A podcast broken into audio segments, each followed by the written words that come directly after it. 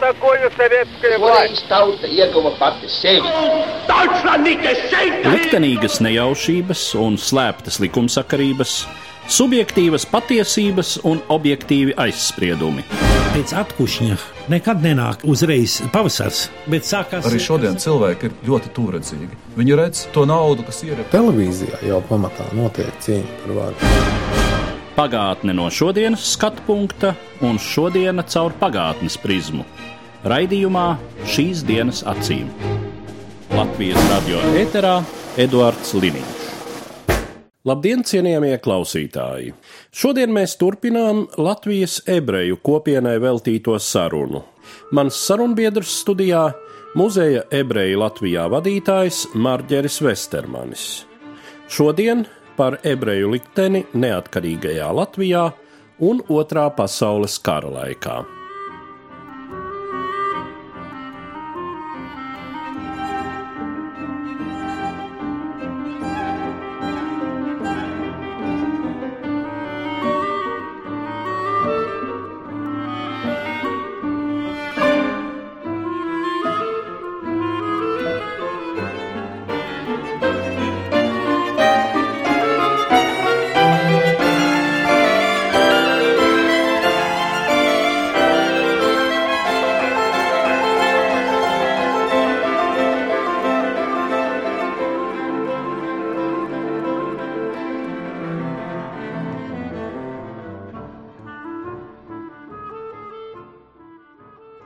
Ulmanis jau veicināja zināmā mērā ar šādu likumdošanu, ka visiem jāmācās savas nacionalitātes skolās. Ļoti daudz ebreju agrāk, līdz 34. gadam, mācījās vācu skolās, krievu skolās, bet pārsvarā gan bija vācu skolas.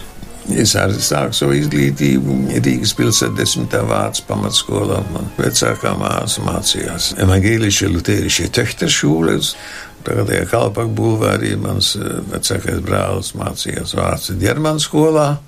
Tas bija tipiski, ja? jo vācu valoda bija tilts uz pasaules kultūru, uz Eiropas kultūru. Tas nenozīmē, ka mēs būtu vēlējušies asimilēties vai zaudēt savas tradīcijas. Nē.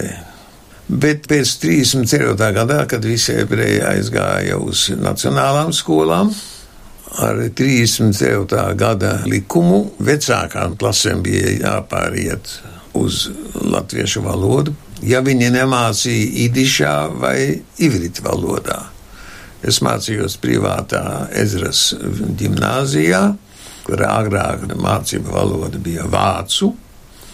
Vecākās klases jau ar 34. gadu pārgāja pilnībā pēc kādām lielām problēmām. Uz latviešu valodu pamatskolu ar 36. gadu pilnībā pārgāja uz latviešu valodu. Tā bija ebreju skola, privāta skola ar latviešu mācības valodu.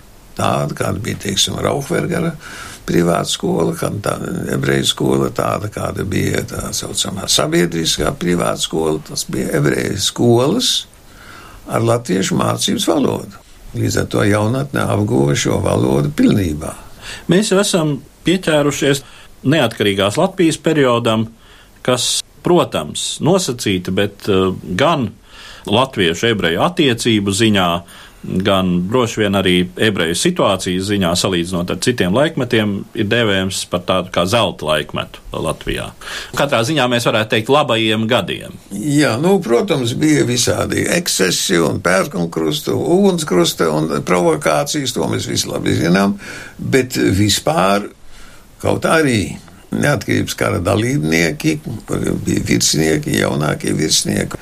Vecākie virsnieki bija tikai ārsti, kapteiņi un pulkaži leitnanti. Neviens netika paturēts armijā. Neviens. Valsts dienestā ebreji tikpat kā praktiski nebija. Īsu laiku viens atbrīvošanas kara dalībnieks, ebrejs, bija Rīgā policists. Puika skrēja pakaļ žīdu policistam, izbrīna, kā tas var būt, kad ebrejs var būt pilsētas dienestā. Tas, protams, radīja arī zināmu atstumtības sajūtu pašvaldības iestādēs. Tas bija mazāk jūtams, bet no Rīgā, no pašvaldības iestādēm, ebreju kandidatūras bija praktiski izslēgtas. Viņu bija spiesti novirzīt savas aktivitātes un savas intereses uz brīvām profesijām. Ļoti liela ebreju studentu skaits, ir sevišķi 20. gadu sākumā, kad valsts pat maksāja stipendijas, ja bija vajadzīgi speciālisti. Vēlāk jau sāka Latvijas universitāte ierobežot ebreju studentu skaitu, ir sevišķi tieslietu zinātnēs un medicīnā, divās ebreju mīļotajās profesijās. Bet, ja nu mēs ņemam kopā ebreju lomu Latvijas ekonomikā, tad ir tādi skaitļi, kas atspoguļot arī starptautiskos pētījumos. Ebreji, kas bija tikai 4,8% Latvijas iedzīvotāji, maksāja 25% visu Latvijas valsts iekasēto nodokļu. Nu, man liekas, ar to ir diezgan daudz kas pateikts. It sevišķi nozīmīgi bija ebreju ieguldījums Latvijas sagrautās ekonomikas atjaunošanā, rūpniecībā, finansu sistēmā. Viņiem bija izšķirēja loma. Jo latviešiem nekad nekāda finansu kapitāls nav bijis, finansu speciālisti nav bijuši. Finansu ministru padomnieki vienmēr bija veseli virkne ebreju kuri, starp citu, arī panāca Latvijas valstī pirmos aizdevumus Latvijas rubļa sekšanai, vēlākā Latvijas sekšanai, brāļu Lāzara bankā. Ebreja banka bija tā, kas deva pirmos kredītus Vēlāk pazīstamais politiskais darbinieks Mordухais Dūbins Amerikā, izmantojot savu ietekmi, Latvijai sagādāja kredītus un tā tālāk un tā joprojām. Tas ir fakts, kas vienmēr tiek atzīts. Un rezultāts bija tāds, ka Ulmanis to formulēja pēc 34. gada 15. maija. Mēs esam iekarojuši politisko varu, tā zeme ir mūsu, bet saimniecība atrodas pārsvarā sveštautiešu rokās. Es gribētu šeit pievērst uzmanību šim formulējumam, nevis citu tautiešu, kā tas līdz šim bija teikts, bet sveši tautieši. Ar to sākās tas liktenīgais process, kad formāli pēc atversmes visi Latvijas pilsoņi ir Latvijas tautas daļa, bet tā Latvijas tautas daļa, kas nav latvieši, tie ir sveši tautieši vācu nacistiskā propaganda tur ļoti labi uztvēra, kuri vispār strādāja ļoti veiksmīgi.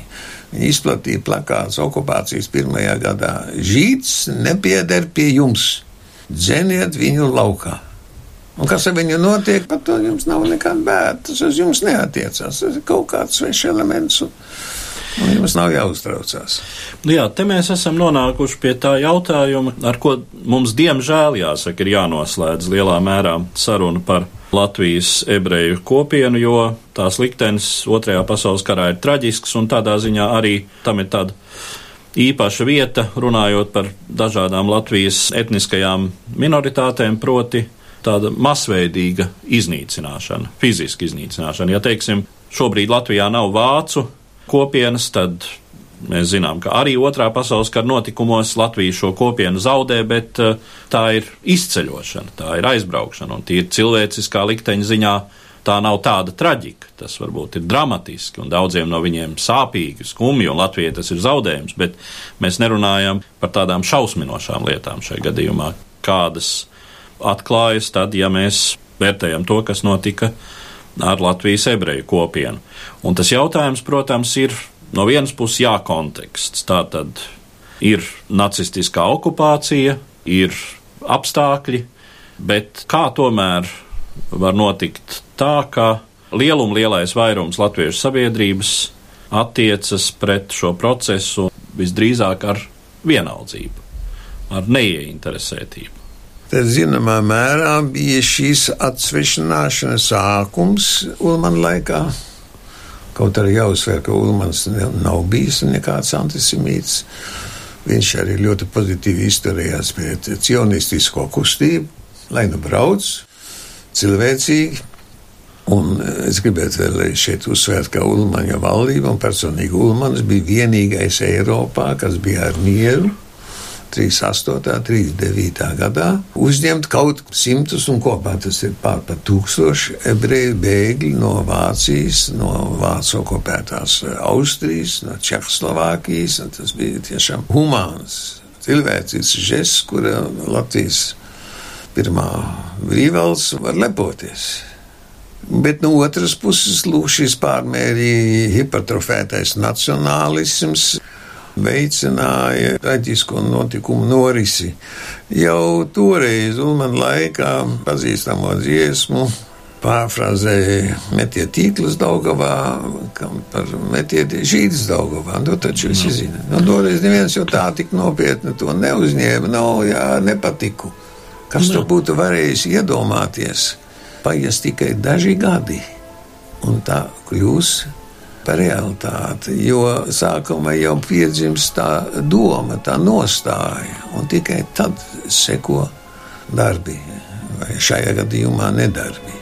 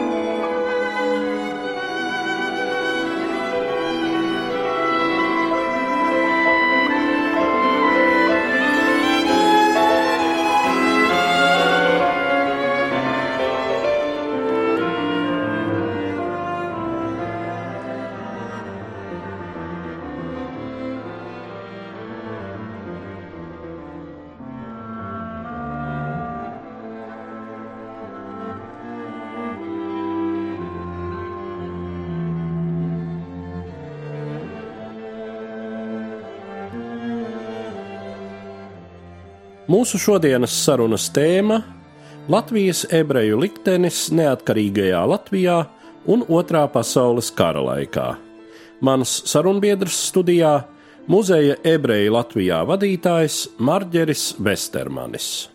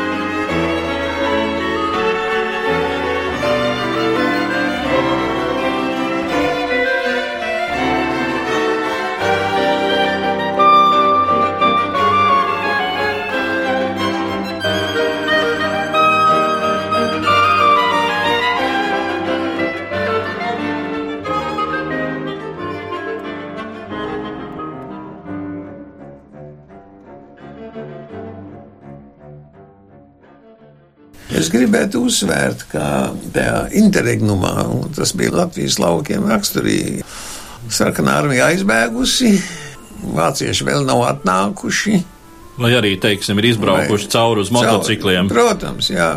ātri. jā. Tajā laikā, kad nav nekādas vācu varas, nu, teiksim, Rīgā tas turpinājās dienu, pusotru. Vācieši ienāca Rīgā tikai 1. jūlijā pusdienas laikā.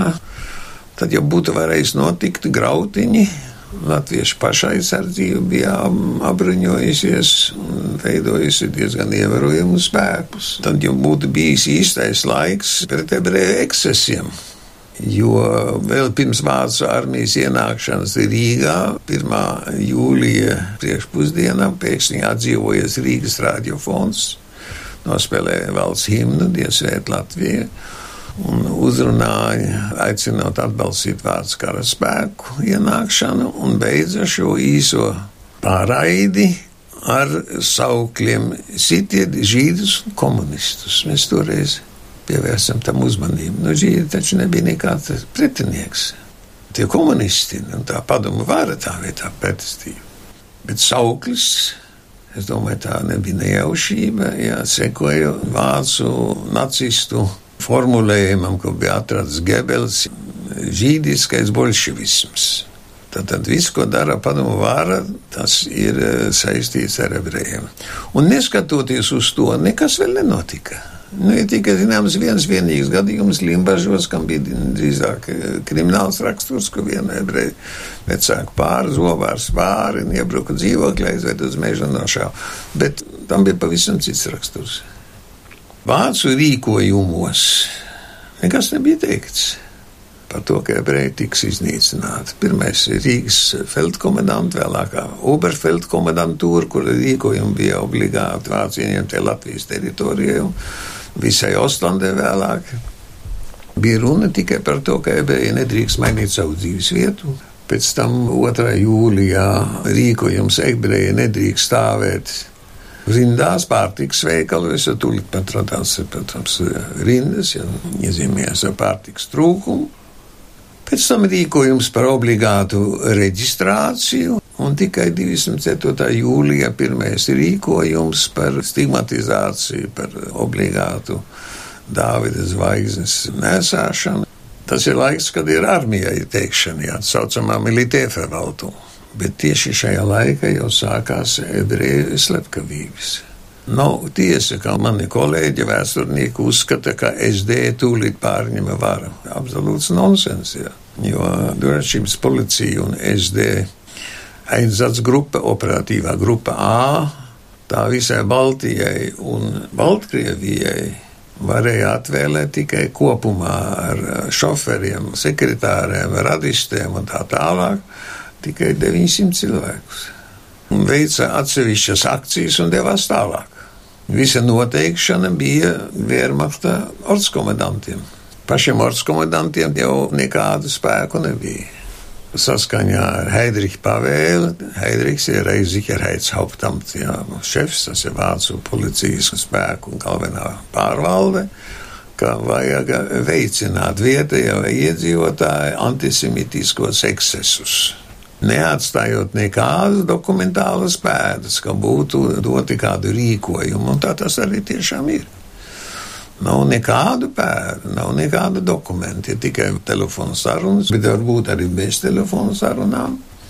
Pietika ar eh, tēvijas neapvaldīto viesmīgo antisemitisko propagandu, žīds mūsu ienaidnieks, Žīdieši jau gribējuši iznīcināt latviešu tautu, kas nu, vispār, vispār nu, būtu grūti iedomājams arī tehniski, lai atraisītu rokas vietējiem elementiem, kurā, protams, iesaistījās visādi krimināli, huligāniski elementi, apbruņotie, bet priekšgalā vienmēr stāvēja kāds Latvijas armijas virsnieks, kādu brīdi, kamēr vēl nav vācu komendantūru, noteicošais vārds ir tā saucamām latviešu komendantūrām, kuras uzsāk dažkārt priekšdarbus vai bieži vien paši uzsāk šo neiedomājumu Latvijas vēsturē nepieredzēto slepkavošanu.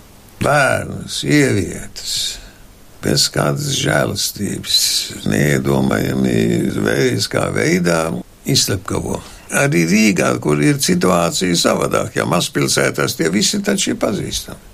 Un tūlīt pat metās jau tās mantas atstātās ebreju mantu dalīšanā, kur pat ir dokumenti, vēl turpinās šaušana, bet jau sanāk kādas tur komisijas, kas jau lem, kam kas tiks dots, kam tiks dots tās mēbeles mantas, vai turpat jau apšaušanas vietā atņemtiem upuriem kādas vērtslietas.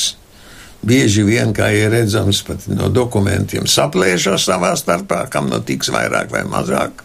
Rīgā tas ir, nu, zināmā mērā anonīmi. Nu, ienāk kaut kādi ar sarkanbalsarkanām vai baltām lentēm un aizved tos vīriešus prom, it kā uz darbiem, dažkārt arī no darbiem atgriežas, visbiežāk neatgriežas. Un pirmajā okupācijas naktī, tas ir 1. jūlijā uz 2. jūliju, jau tiek aizvesti simtiem ebreju jaunekļi, galvenokārt jaunie vīrieši, un parādās pirmie kapi biķernieku mežā.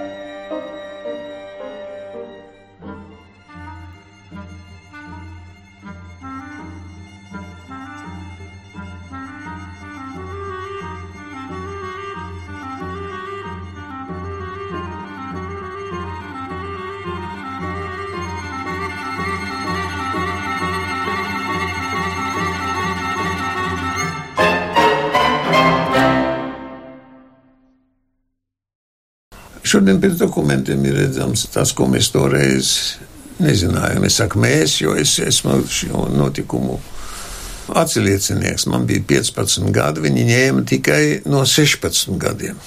Tā kā šī nejaušība, ka man pietrūka līdz 16 gadiem, 4,5 mēneši, man tajā pirmajā iznīcināšanas vilnī paglāba. Manu vecāko brāli ne. Nu, šodien ir redzams pēc dokumentiem, kā pirmajās lielākajās apšaušanās jau ar 2. un 3. jūliju piedalās 9. vācu rezerves eh, policijas bataljons, kas nu, ierāda, kā to vajag darīt. Piedalās vēlāk 13. vācu rezerves bataljons, tie ir rezervisti, kas nav derīgi frontes dienestam un iekļauti tajā SD operatīvā grupā A un kur jau, kā jau mēs labi zinām, 4. jūlijā organizēja sev šāvēju komandu. Tā ir tā bēdīgi slavenā arāja komanda, ar kuras palīdzību sāk jau sinagogu dedzināšana, sistemātiskās slepkavības jau bez vācu līdzdalības.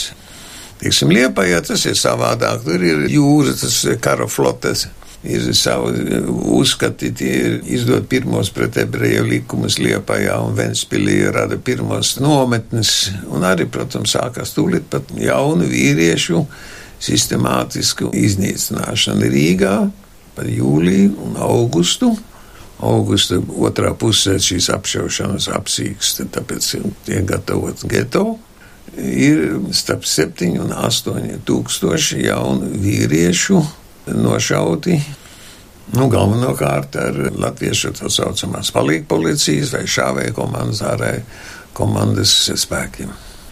Tas, kas droši vien mūsu sarunas kontekstā un faktiski šo sarunu noslēdzot, tas jautājums ir, cik lielā mērā, kā tas šodien arī nereti izskan, nu, cik lielā mērā latvieši izceļas ar antisemītismu un attiecīgi ar vardarbību, ar slepkavošanu otrā pasaules kara laikā, ja mēs viņus ieliekam, nu, teiksim, kaut kādā Eiropas kontekstā. Vai tie skaitļi, cik tad bija konkrētie šāvēji, un cik bija tie, kuri atbalstīja, un cik bija, teiksim, kuri glāba. Kuri glāba savukārt, vai tie kaut kādā mērā liek mums teikt, ka latvieši ir izcēlušies ar kādu īpašu kāri uz ebreju slepkavošanu?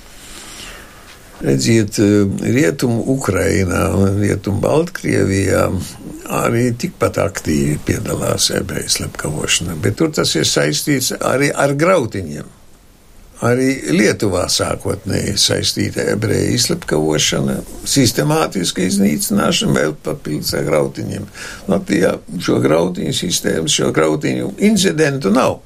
Neviens netiek aizskārts uz ielas, nu, izņemot atsevišķus gadījumus organizēti, es atļaušos teikt, augstasinīgi tiek veikti šī iznīcināšana, bet tā nav nejaušība. Ja es tagad atrastu dokumentus, kas publicēts vēsturnieku komisijas rakstos, kur redzams, ka 11. jūlijā sapulcējās latviešu, protams, pērkuma krustu pārstāvi un korporāciju pārstāvi un komersantu, rūpnieku aprindas, baznīcas pārstāvji, evaņģēliski luterāņu baznīca ar arķibīskaps Grīmbergs ir klāts un bīskaps Bergs ir klāts un citi, kuri paraksta apsveikumu Hitleram. Bija paredzēts, ka to aizvedīs uz Berlīnu un Reichskancelē iesniegs kā latviešu tautas pateicības rakstu, kurai ir izvirzīta arī lūgumu, ne jau no prasības. Nu, lūgumu saglabāt zināmu autonomiju, atļaut piedalīties cīņā pret bolševismu, nu un tā tālāk. 13 punkti. 9. punkts skan šādi, kā prasība, tieši šeit jau ir prasība. Atbrīvošana no žīdiem, es citēju burtiski, un principā arī no krieviem un poļiem. Nu, tas ir visai zīmīgs dokuments. Jā, tas ir tā saucamā Anas ielas štāba ļaudis, pulkažlietnants Oldemārs Vejs, kas organizē šo pašaizsardzību vēlākā policija. Nu, kā piedalās un paraksta to arī baznīcas pārstāvji. Bet ne katoļu baznīca, ne pareizticīgā. Un tas arī, starp citu, atspoguļojas, ka katoļi, sevišķi laukos, centās kaut kādā veidā palīdzēt, naivi domādami, ka ar kristīšanu varētu ebreju izglābt. Ļoti aktīvi šajā laikā šo labi domāto kristīšanas pasākumus veids, kas jau, protams, nevienu neizglāb, mēģina klosterus paslēpt. Evanģēliski luteriskā baznīca šajā gadījumā ir pilnīgi indiferenta.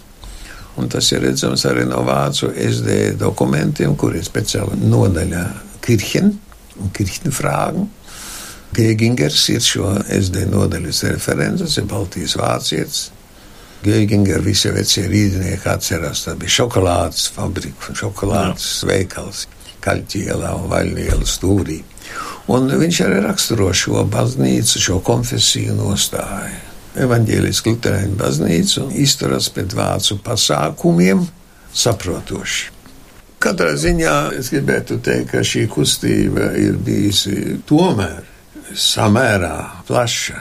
Un tādi fenomenāli gadījumi kā Žants Lipke un tam līdzīgi, kad tiek glābti desmitiem cilvēku, pelnījuši ne tikai, kā viņus pieminētu, Rīgas ebreju kopiena ir izveidojusi vienīgā Eiropā piemiņas vietu Gogolielā pie nopostītās sinagogas, kur pagaidām ir tuvu pie 300 glābēju vārdiem. Es pats nodarbojos ar šo tematu. Bet nav šo glābēju, kur varētu būt Latvijas nācijas gods, nav populāri tautā. Tas, protams, ir jautājums, kas ir pelnījis mūsu uzmanību arī šodien, un šis nav noteikti pēdējais raidījums, kuru mēs veltīsim holokaustam Latvijā. Bet par šo sarunu, kas bija veltīta Latvijas ebreju kopienas vēsturei un liktenim, es saku paldies manam sarunas biedram Marģinim Vestermanim. Paldies! par pagātni sarunājas Eduards Līniju.